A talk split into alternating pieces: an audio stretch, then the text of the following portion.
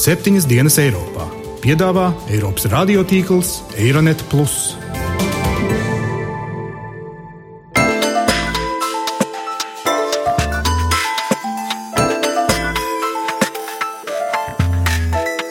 Šonadēļ septiņas dienas Eiropā dzirdēsim. Patiesībā mēs nerunājam par divu ātrumu, bet par daudz ātrumu Eiropu. What did you do when the world faced this Syrian refugee crisis? Kādu Eiropu, kādu Latviju Eiropā mēs vēlamies?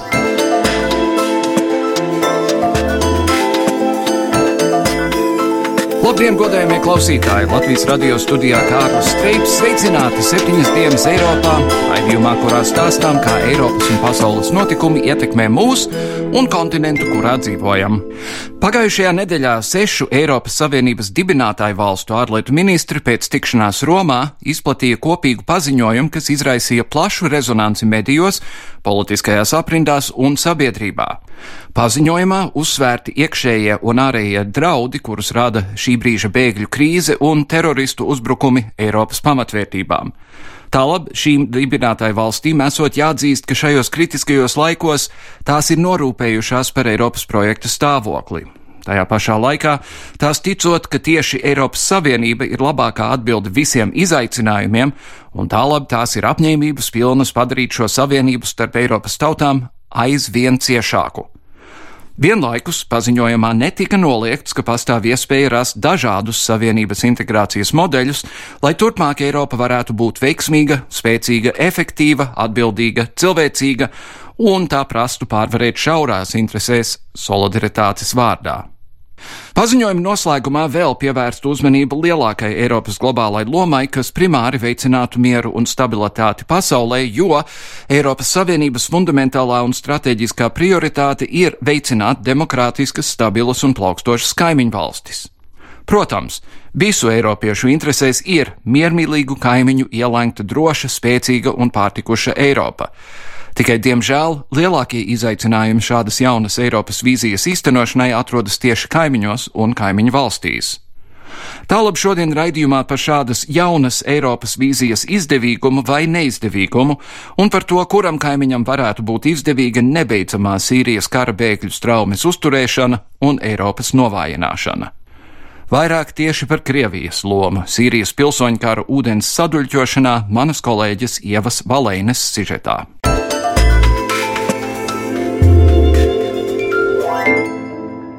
Marta sākumā apritēs pieci gadi kopš Sīriju plosa pilsoņu karš. Tas ir gandrīz iznīcinājis valsts nacionālās bagātības un infrastruktūru.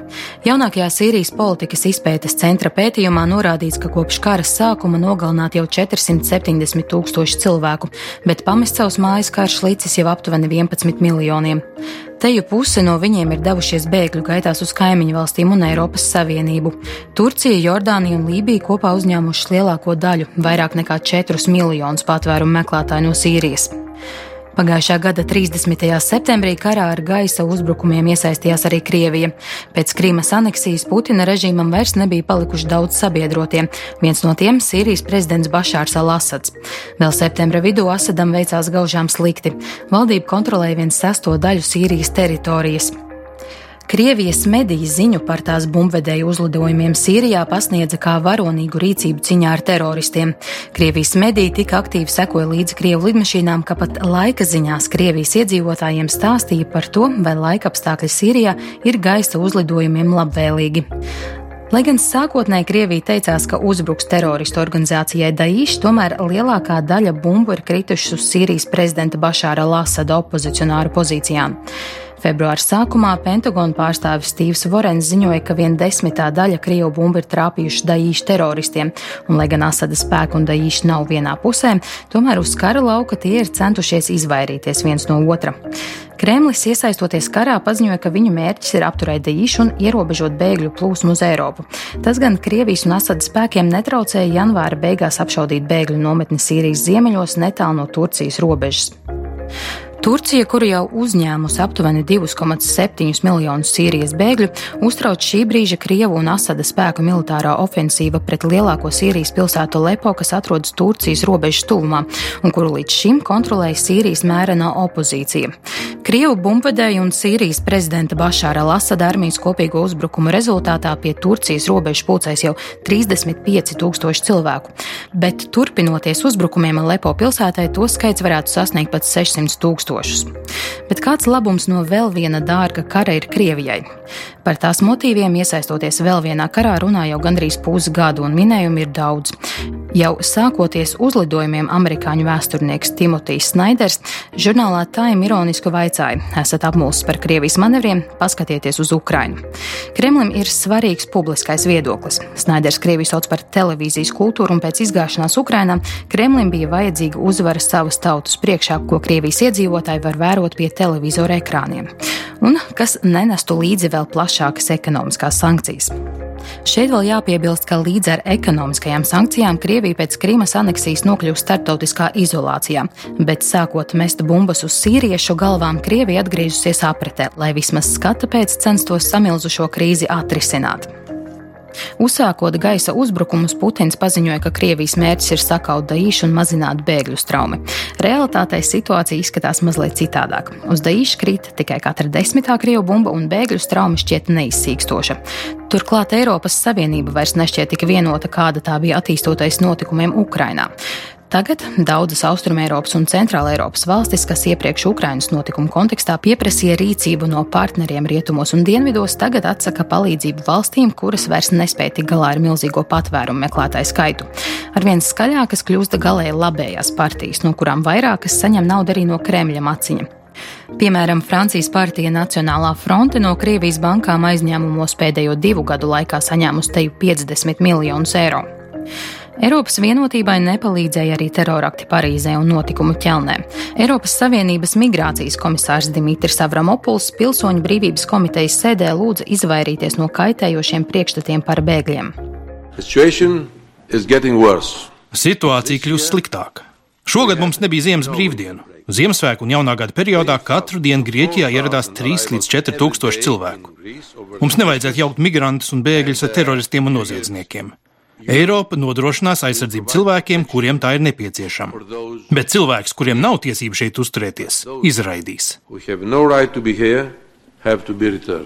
Komisārs arī lūdza valstīm turēt savus solījumus un izrādīt solidaritāti vienai pret otru. Patvērumu meklētāju pieplūdums rada ne tikai šķelšanos dalību valstu starpā jautājumā par to, vai vajadzētu solidarizēties un palīdzēt krīzes smagāk cietušajām valstīm, uzņemot daļu patvērumu meklētāju pie sevis. Nu jau kādu laiku medijos un politiskajā telpā klīst runas par Schengenas zonas krišanu. Daudzas valstis vēlas slēgt savas robežas, lai nepieļautu turpmāku migrantu plūsmu. Īpaši skaļas šīs sarunas kļuva pēc Parīzes slaktiņa pagājušā gada novembra vismelnākajā piekdienā. Eiropas Savienības migrācijas komisārs Dimitris Avramopoulos Pols sacīja, ka gadījumā, ja kritīs Schengena, tās būs Eiropas projekta beigas. Viens no veidiem, kā risināt samilzušo bēgļu krīzi, ir risināt konfliktu pašā Sīrijā. Februāra sākumā Ženēvā apvienoto nāciju organizācija rīkoja kārtējās Sīrijas miera sarunas. Tās gan tika pārtrauktas vien divas dienas pēc sarunu oficiālā sākuma, pēc tam, kad opozīcija, protestējot pret Krievijas nesaudzīgo opozīcijas un civilo mērķu bombardēšanu, sarunas pameta.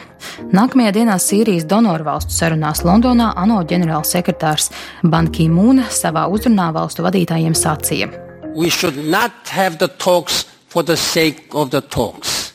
Mums nevajadzētu uzturēt šīs sarunas sarunu dēļ. Nākamās dienas vajadzētu izmantot, lai atgrieztos pie sarunu galdiem, nevis lai nodrošinātu vairāk ieguvumus uz kara lauka. Es lūdzu drošības padomu un starptautisko Sīrijas atbalstu grupu piespiest puses nopietni pievērsties savstarpējām sarunām par Sīrijas nākotni. Tas, ko mēs šodien redzam, ir neatliekama nepieciešamība atvieglot miljoniem sīriešu, sieviešu, vīriešu un bērnu ciešanas. Pat ja notiek brīnums un konflikts rīt noslēdzas, vēl gadus pat dekādas būs nepieciešama humanitārā palīdzība. Mēs esam šeit, lai atrastu veidus, kā aizsargāt civiliedzīvotājus. Visas konfliktā iesaistītās puses pārkāpj cilvēktiesības. Savā uzrunā ANO ģenerālsekretārs arī norādīja, ka situācijai nav militāra risinājuma, tikai politisks dialogs var izbeigt karu Sīrijā un civiliedzīvotāju ciešanas. Lai šīs ciešanas mazinātu, Londonas konferencē tika savākta rekorda augsta naudas summa. Vienas dienas laikā donoru valstis ziedojušas 11 miljardus dolāru, no kuriem aptuveni 5,8 miljardi tiks izmantoti šogad, lai palīdzētu Sīrijas civiliedzīvotājiem. Lielbritānijas premjeras Deivids Kamerons uzstājoties konferencē uzsvēra šīs palīdzības palīdzības nozīme reģionam. Mēs visi esam līderi, kuriem ir sarežģīti pienākumi, sarežģīti budžeti, ar kuriem jāstrādā. Bet, kad mēs skatāmies uz šo krīzi, kas risinās gandrīz tikpat ilgi, cik otrais pasaules karš, es ceru, ka šodien, lemjot par saviem ziedojumiem, mēs nedomāsim tikai par savām valstīm un saviem iedzīvotājiem, bet mēs domāsim par saviem bērniem un mazbērniem. Un kad viņi jautās, ko tu darīji, kad pasaule piedzīvoja Sīrijas bēgļu krīzi, kad tik daudz cieta badu, tika nogalināti, ievainoti, kad tik daudz domāja, ka, lai justos droši, viņiem jāapceļo pus pasauli. Ko tu darīji? Es zinu, ka Lielbritānija būs darījusi savu tiesu, un valstis, kas šodien šeit ir pārstāvētas, būs darījušas savu. Janvāra beigās, īsi pirms oficiālā ANO rīkoto Sīrijas miera sarunu sākumu, ASV valsts sekretārs Džons Kerijs un Krievijas ārlietu ministrs Sergejs Lavrovs vienojās par Sīrijas atbalsta grupas tikšanos 11. februārī, lai apspriestu sarunās panākto. Pagājušo ceturtdienu pasaules lielvaras beidzot vienojušās par pamieru karojošo pušu starpā, bet šī nedēļa tiks veltīta, lai izstrādātu plānu, kā konfliktu izbeigt ne tikai uz papīra, bet arī realitātē. Lai gan ASV uzstāja, ka pamieram jāiestājas nekavējoties, Krievija vēlējās, lai tas tiktu izsludināts ar 1. mārtu. Beigās pieņemts lēmums pamieru izsludināt pēc nedēļas, 18. februārī. Lielbritānijas ārlietu ministrs Filips Hamons uzsvērs, ka pamieris strādās tikai tad, ja Krievija pārtrauks uzlidojumus, bet Kremļa pārstāvis teica, ka tie turpināsies. Tiesa, vēl nav zināms, vai Sīrijas valdība un opozīcijas spēki vispār pamieru atbalstīs. thank you Eiropas Savienības sešas dibinātāju valstis - Beļģija, Francija, Vācija, Itālija, Nīderlanda un Luksemburga nākušas klajā ar vizionāru paziņojumu, ka atbalstīšot divu ātrumu Eiropas attīstību, jo saprotot, ka ne visām Eiropas 28 valstīm ir paprātam aizvien ciešāka integrācija.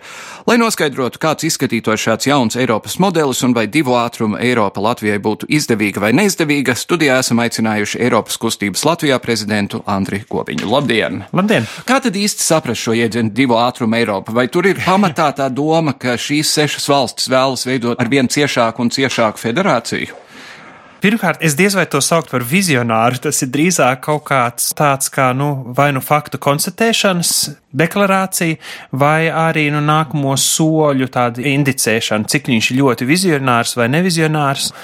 Man liekas, par to varētu runāt uh, citreiz. Patiesībā mēs nerunājam par divu ātrumu, bet par daudz ātrumu Eiropu. Šī dokumentā reāli runāts vairāk par to, ka konstatējot to, ka Lielbritānija vēlas dažādas atkāpes un vēlas šīs atkāpes arī iestiprināt līgumos, ka šīs Lielbritānijas atkāpju Variants nedrīkst būt par iemeslu pārējai Eiropai apstādināt jebkādu attīstību. Ir valstis, kas vēlas ciešāk sadarboties, un eh, tām būtu arī jābūt šai iespējai veidot ciešāku un labāku sadarbību tajās jomās, kur viņas vēlas. Mhm. Kāpēc es runāju par daudz ātrumu Eiropu? Jo šobrīd mēs redzam, ka ir dažas valstis, kas ir Eirozonā, citas nav. Mēs skatāmies, dažas valstis ir Schengenas zonā, citas nav. Šīs atkāpes vai šie varianti jau reāli šobrīd dažādi ir, Dānijai, Zviedrijai, Lielbritānijai un citām valstīm. Tagad Lielbritānija vēlas, ka šīs tiesības uz šīm atkāpēm tiek ierakstīts arī līgumos, un arī tiek nu, uz mūžu mūžiem, tā sakot, viņiem svētītas vai piešķirtas. Šobrīd līgumos ir rakstīts, ka valstis tiecas uz ciešāku sadarbību, un no tā Lielbritānijai bija bail no šī teikuma. Bet kāpēc? Un, à, jo, jo tā ir ekonomiska jā. savienība pirmām kārtām, un ja var ciešāka ekonomiska sadarbība būt, tas arī drusku politiski satuvina valstis. Briti noteikti grib ciešāku ekonomisku sadarbību, un to viņi arī norāda, labāku pārvaldību, un, un teiksim, par ekonomiskās sadarbības iebildumu tur lieli nav. Ir, teiksim, konkrēti punkti, pa kuriem mēs vēlāk runāsim, droši vien, kas ir Lielbritānijas konkrētie priekšlikumi. Viņiem ir bail vairāk no šīs politiskās pārāk ciešās integrācijas, pārāk ciešas savstarpējās savstarpējas sadarbības, iespējams arī no kaut kādas budžeta uzraudzības un tā tālāk. Atceramies lielo finanšu krīzi, kuru Britiem bija svarīgi, ka viņi ar savu valūtu, viņi devalvēja savu valūtu, lai atkal it kā nu veicinātu savas valsts ekonomiku un līdzīgas lietas. Šie pasākumi Britiem ir svarīgi. Kopējo tirgu viņi noteikti vēlas, bet arī kopējā tirgus vajadzība teiksim, Eiropas Savienība kā tikai kopēja liela tirgus īstenotāja, varbūt nav vairs gluži tik ļoti liela, cik viņa bija pirms eh, pieciem vai pirms desmit gadiem. Skatāmies, ka šobrīd kopējā globālā tendence ir tā, ka tiek slēgti līgumi ar Amerikas Savienotām valstīm, vai vismaz tiek gatavots šis, nu, tā saucamais TTIP līgums, tiek veidots dažādi citi šie ekonomiskās sadarbības eh, līgumi kam dēļ varbūt arī Britu premjers ir piedāvājis šādu diezgan riskantu referendumu, par ko man liekas viņš pats īpaši laimīgs šobrīd pat nemazām vairs nav. Zinot to, ka, nu, ja gadījumā Briti nobalsos pret, tā būs katastrofa Lielbritānijai, bet varbūt ne gluži tik liela, cik tā būtu vēl pirms pieciem gadiem. Nu, cerot to, mm -hmm. ka mhm. tajā brīdī, kur būs kaut kādas izstāšanās eh, sarunas, tad eh, noslēgušās, ka tad jau būs vietā cits līgums, kas tad vismaz daļēji varētu šīs negatīvās sakas izlīdzināt. Tur ir tik daudz jautājumu, kuros virzienos mēs varētu doties, bet sāksim ar to, ja gadījumā Lielbritānija nobalsos izstāties no Eiropas Savienības, vai mēs jau zinām, kas notiks ar tiem desmitiem un desmitiem un desmitiem tūkstošu latviešu, kas tur strādā pat labi? Mēs nezinām, un mēs pat arī nezinām, kas notiks tādā gadījumā, ja trešdien, tātad parīt, tiks panākta vienošanās starp dalību valstīm, piekāpjoties Kamerona prasībām saistībā ar Latvijas un citu valstu imigrantiem, ekonomiskiem bēgļiem, vienalga, kā mēs viņus saucam, kas atrodas Lielbritānijā, jo ir vēl atsevišķi strīdīgi jautājumi, kas nav līdz galam izdiskutēti. Varbūt pat sākam runāt par to, kas notiek, ja gadījumā dalībvalstis piekāpjas Kamerona priekšlikumam, jo tas ir tas, kas ir, nu, visticamākais variants. Manuprāt, tur ir divi ļoti kritiski punkti. Viens ir saistībā ar bērnu naudām, bērnu pabalstiem, un otrs ir saistībā ar sociālo drošību tiem cilvēkiem, respektīvi pēc kura, sākot ar cik ilgu Lielbritānijā nodzīvot laiku, es varu saņemt sociālos pabalstus, sociālās dažādas piemaksas, kas viņiem ir, ir zemo algu saņēmējiem un tam līdzīgi. Kritiskākais no šiem diviem, man liekas, īstenībā bērnu pabalstu jautājums. Un tur ir jautājums par to, ka viņi negrib, lai to naudu pārsūta, eksportē uz citām valstīm, respektīvi. Briti argumentē, ka šobrīd notiek ļaunprātīga bērnu naudu tur izmantošana, ka cilvēka bērni atrodas vēl Latvijā, bet cilvēks strādā Anglijā. Latvijas eh, ziņā, man liekas, tas ir, nu, Protams, attiecīgi konkrētai ģimenei ļoti grūta situācija, ka ir dalīta ģimene, ka kāds no vecākiem vai pat abi vecāki atrodas ārpus valsts. No otras puses, tas palielina iespēju, ka šis vecāks arī atgriežas e, mājās, jo acīm redzot, tas lēmums aizbraukt gadu vai divus gadus piepelnīties vai kaut kādu noteiktu laiku piepelnīties e, Lielbritānijā, bet bērnus atstāt, tas nozīmē, ka viņš orientējas vai vēlas atgriezties agrāk vai vēlāk Latvijā. Viņš negrib bērnus raustīt no vienas valsts uz otru, un tā tad tad eh, nu, tam dēļ acīm redzot, šie bērni šobrīd vēl ir Latvijā. Dzīvot Anglijā un melot par to, ka bērni ar tevi kopā ir, kad patiesībā viņi ir Latvijā, tas ir negodīgi labākajā gadījumā, vai pat labi ir situācija, kur Lielbritānija it kā zina, ka tas notiek, bet vienkārši piever acis? Kā es saprotu, arī neesmu juridisks eksperts, te ir runa par šo maksājumu eksportu, tātad, cik es saprotu, par tiem bērniem, kur Lielbritānija zina, ka viņi atrodas citās valstīs. Mm -hmm. Un tas liekas sakarīgi. Galu galā tas bērns patērē lietas kaut kādā citā valstī tādā gadījumā. Nē, kāpēc man liekas, ka ir jābūt lielai bērnu naudai, neatkarīgi no tā, kurā valstī mani bērni dzīvo, tāpēc, ka atkal tas ir vienlīdzības princips. Es nedrīkst diskriminēt kādu darbinieku atkarībā no tā, kur viņa valsts. Tam man arī būtu Londonas bērnam jāmaksā vairāk nekā tam, kas Birmingemas laukos kaut kur mm -hmm. nu, pievērtē dzīvo. Ja tāds ir princips, nu, ka es maksāju bērnu naudu atbilstoši tam, cik šie izdevumi rodās attiecīgā vietā, tad tas ir korekti, Skaidrs. bet nu, man arī ir jādiferencē pašā Lielbritānijā, attiecīgi Londonā ir lielāks piemaksas, citur mazāks. Nu, tad es arī varu latvieti diskriminēt, ja viņa bērni dzīvo Skaidrs. Latvijā, tad es arī viņam varu maksāt mazāk. Vēl viens, ko Kamerons ir piedāvājis, ir šī doma, ka dalību valstu parlamenti zināms skaits varētu bloķēt Eiropas komisijas lēmumus. Pirmkārt, tas pilnīgi noteikti prasīt Lisbonas līguma grozījumus, tāpēc, ka tur nekas tāds nav paredzēts. Bet vai no tā neizrietētu, ka parlamentiem vairs nebūtu nekā cita, ko darīt? Darīt, jo direktīvas tur nāk ļoti daudzas. Kādam Polijai nepatiks kaut kas, Ungārijai nepatiks kaut kas, Portugālei nepatiks kaut kas, visu laiku ies šitas te. Nē, es tādu blokādes risku neredzu. Jau šobrīd mūsu pašu saima ir tā, kas skata visus Eiropas dokumentus un dod mūsu ministriem mandātu, par ko viņi drīkst, nedrīkst balsot kādā veidā. Tātad mūsu Latvijas situācijas gadījumā īpaši sloks nepaukstinātos, vienīgais iespējas paaugstinātos. Tas, ka arī Latvijas parlaments var dot skaidru signālu, mīlīši, šis jautājums nebūtu jālēmj Eiropas līmenī, bet jāatstāj atsevišķo Eiropas Savienības dalību valstu lemšanā. Cits starpā, Šāda, jo subsidiaritāte ir svēts jēdziens. Tas ir tas skaistais jēdziens, kas arī Eiropas līgumos ir ierakstīts, un man liekas, ka tur nemazām neprasīt lielu līgumu izmaiņu, lai šo situāciju ieviest, jo šobrīd ir līdzīga sistēma tā saucamām zeltainām kartiņām, nu, ko ir, ir attiecīgs skaits parlamentu, kuriem nepatīk kāds eh, Eiropas līmeņa dokuments, viņas var iebilst bet nu, šis iebildums nav īpaši saistošs. Briti grib, lai šis parlamentu balsojums būtu daudz, daudz nopietnāk jāizskata Eiropas institūcijām, jo viņi nav apmierināti ar to, ka tas eh, šobrīd, nu tā, dažreiz tiek uh, palaists mm. tomēr iepriekšējā virzienā. Tad, man liekas, Latvijā var parakstīties, tas ir ļoti normāli un labi, lai taču dalību valstu parlamenti, mūsu vēlētie pārstāvji arī ir ar lielāku teikšanu Eiropā. Es tur riskus blokādēm neredzu, es tur redzu papildus leģitimitāti Eiropas eh, lēmumiem, papildus sabiedrisku kontroli, ja tā var teikt, vienā otrā valstī. Nu, Latvijā mēs esam jau solīti pa priekš citām dalību valstīm, mums parlaments jau līdzīgas funkcijas, šo kontroli, šo uzraudzību, šo mandātu mandātu jau dod, nu, tad viņš būs vēl drusītiņš spēcīgāks. Es domāju, tas tikai labi. Par konkrētu jautājumu runājot, jaunās valdības deklarācijā ir ierakstīts, ka mēs bēgļus vairs nē. Mēs esam visas savas eh, iespējas eh, izsmēluši ar tiem sešiem bēgļiem, kur ir ieradušies pat labi acīm redzot. Ja Eiropa teiks, nē, mīlīši, te ir solidaritāte un tā tālāk, kam būs virsroka? Latvijas valdības nē vai Eiropas Savienības solidaritātes iedzienam?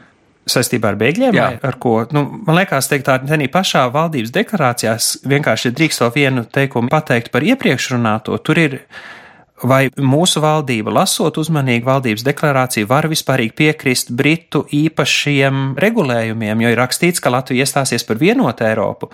Tanī brīdī, kur es tad saku, nu, Briti var darīt citādāk, Respektīvi, mēs eh, valdības deklarācijā pasakām skaidri, mēs esam pret daudz ātrumu Eiropu, mēs gribam šo vienoto redzējumu saglabāt. Britiem mēs tagad pēkšņi pieļaujam atkāpi, nu īsti saskaņā ar valdības deklarāciju tas nav. Nezinu, cik tur Kučinskis ir padomājis vai nav padomājis attiecīgos teikumus rakstot, kāpēc par šo Lielbritānijas punktu, kas visiem bija gana labi zināms, jau rakstot valdības deklarāciju, kāpēc neviens par to nav padomājis. Nu, nezinu gan.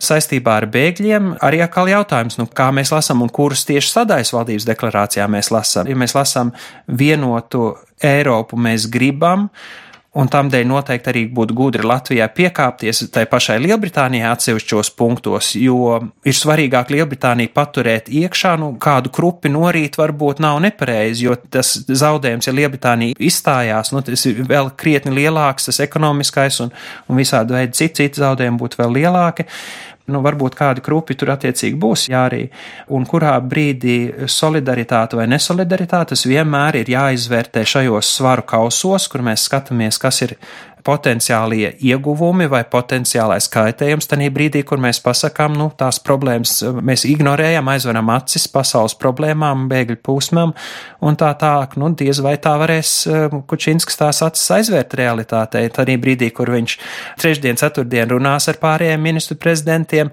cerams, ka viņš varēs parunāt, jo tās valodas spējas jau laikam vēl ir diezgan jānostiprina angļu valodā, lai varētu patiešo mm -hmm. sarunāt tad eh, kā viņš to skaidros, man liekas, viņš diezgan ātri sapratīs, ka ir daudzi politiķi, kam šie bēgļu jautājumi ir ārkārtīgi nozīmīgi šobrīd, un kam arī tā bēgļu dalīšana brīvprātīgā, nebrīvprātīgā, vienalga kādā veidā mēs to tagad runājam, bet kaut kāda veida citu dalībvalstu solidaritātes izrādīšanu. Viņš jau vairāk, nu, tas ir tāds simbolisks žests no Latvijas, kas tiek gaidīts un no citām valstīm.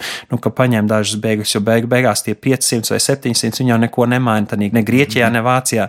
Bet tas ir svarīgi tai pašai Merkelē vai tam Grieķijas politiķim, lai viņš var pateikt saviem vēlētājiem, nu skaties, ir arī citas Eiropas valstis, kas apzinās, ka šis jautājums jārisina kopīgi, un redz, viņi piekāpās mums, jo mums šis bija svarīgs jautājums. Tādēļ es tagad nākamreiz piekāpšos, tā kā būs mm. Latvijai svarīgs jautājums, un atkal es to saviem vēlētājiem varu labāk paskaidrot.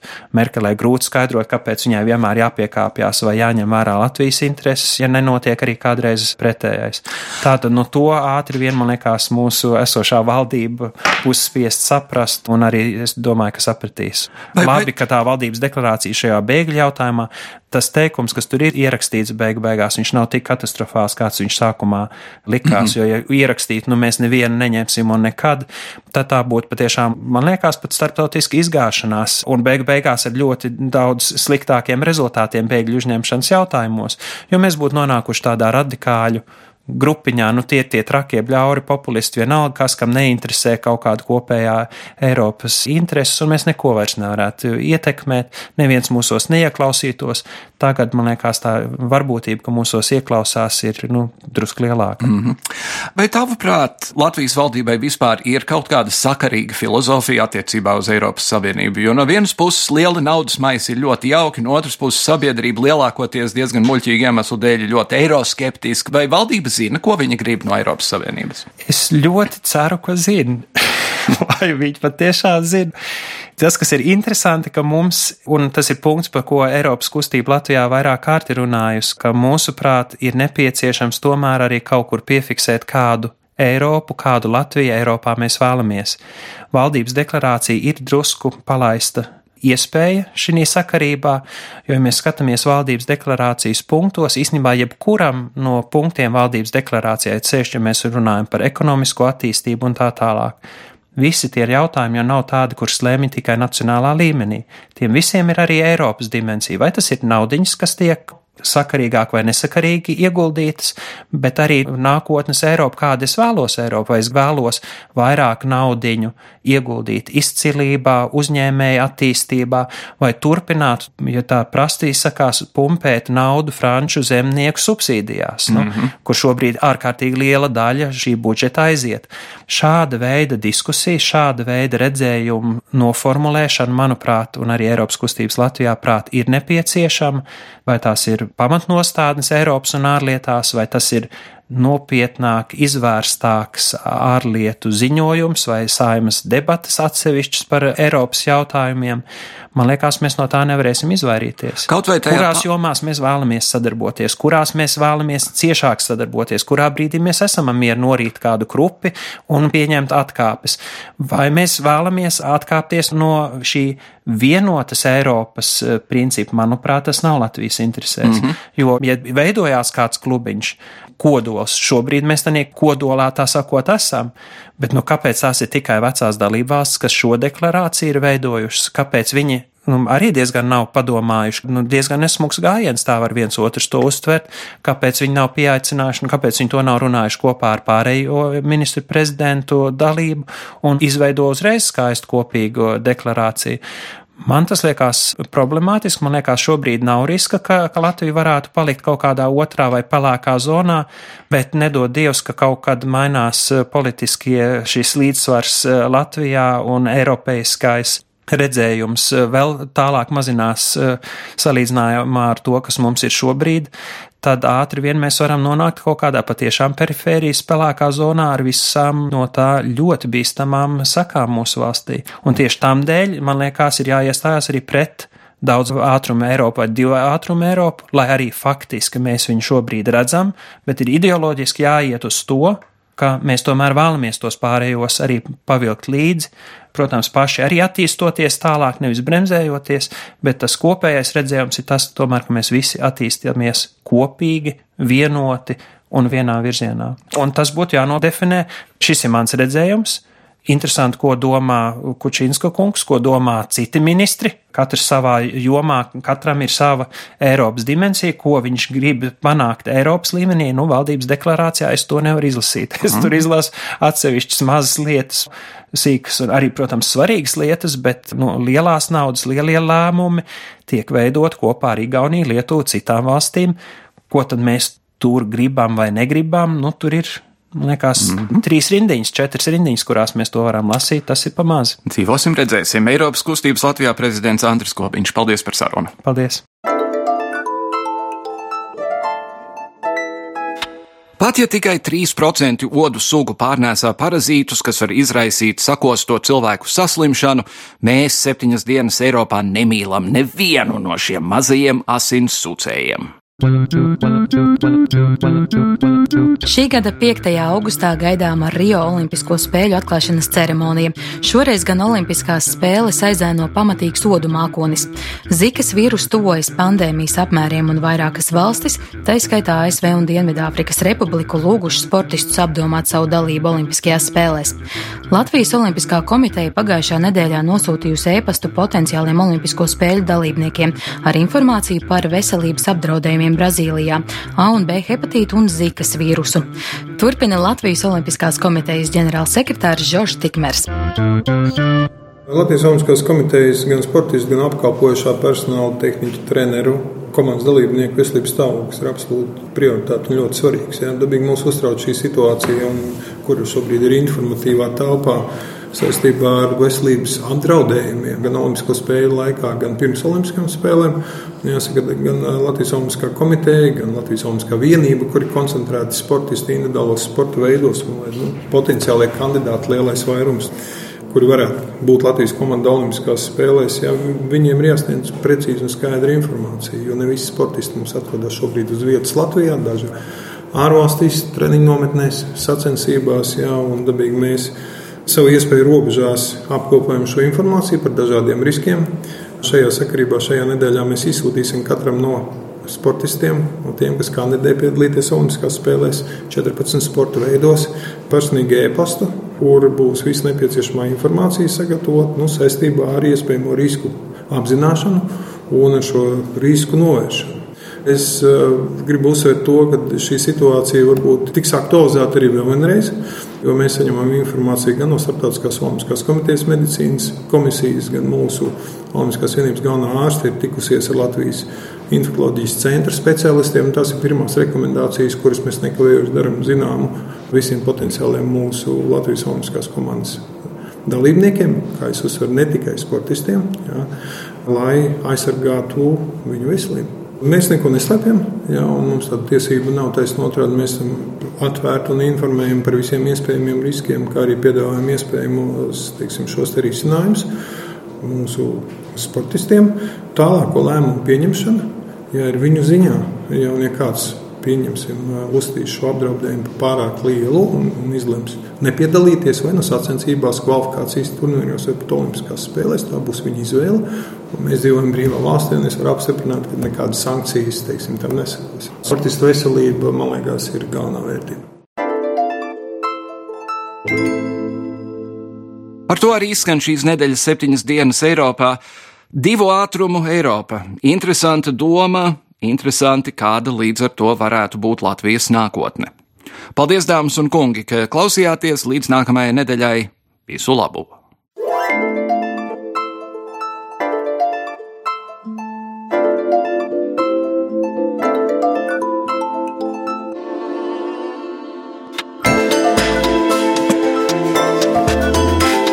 Raidījumu veido Kārlis Streips, Ieva Valēne un Jānis Krops.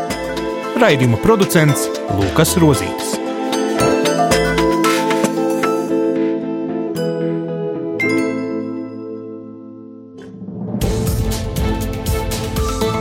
Visus Eironet plus sižetus un raidījumus meklējiet Latvijas radio mājaslapā.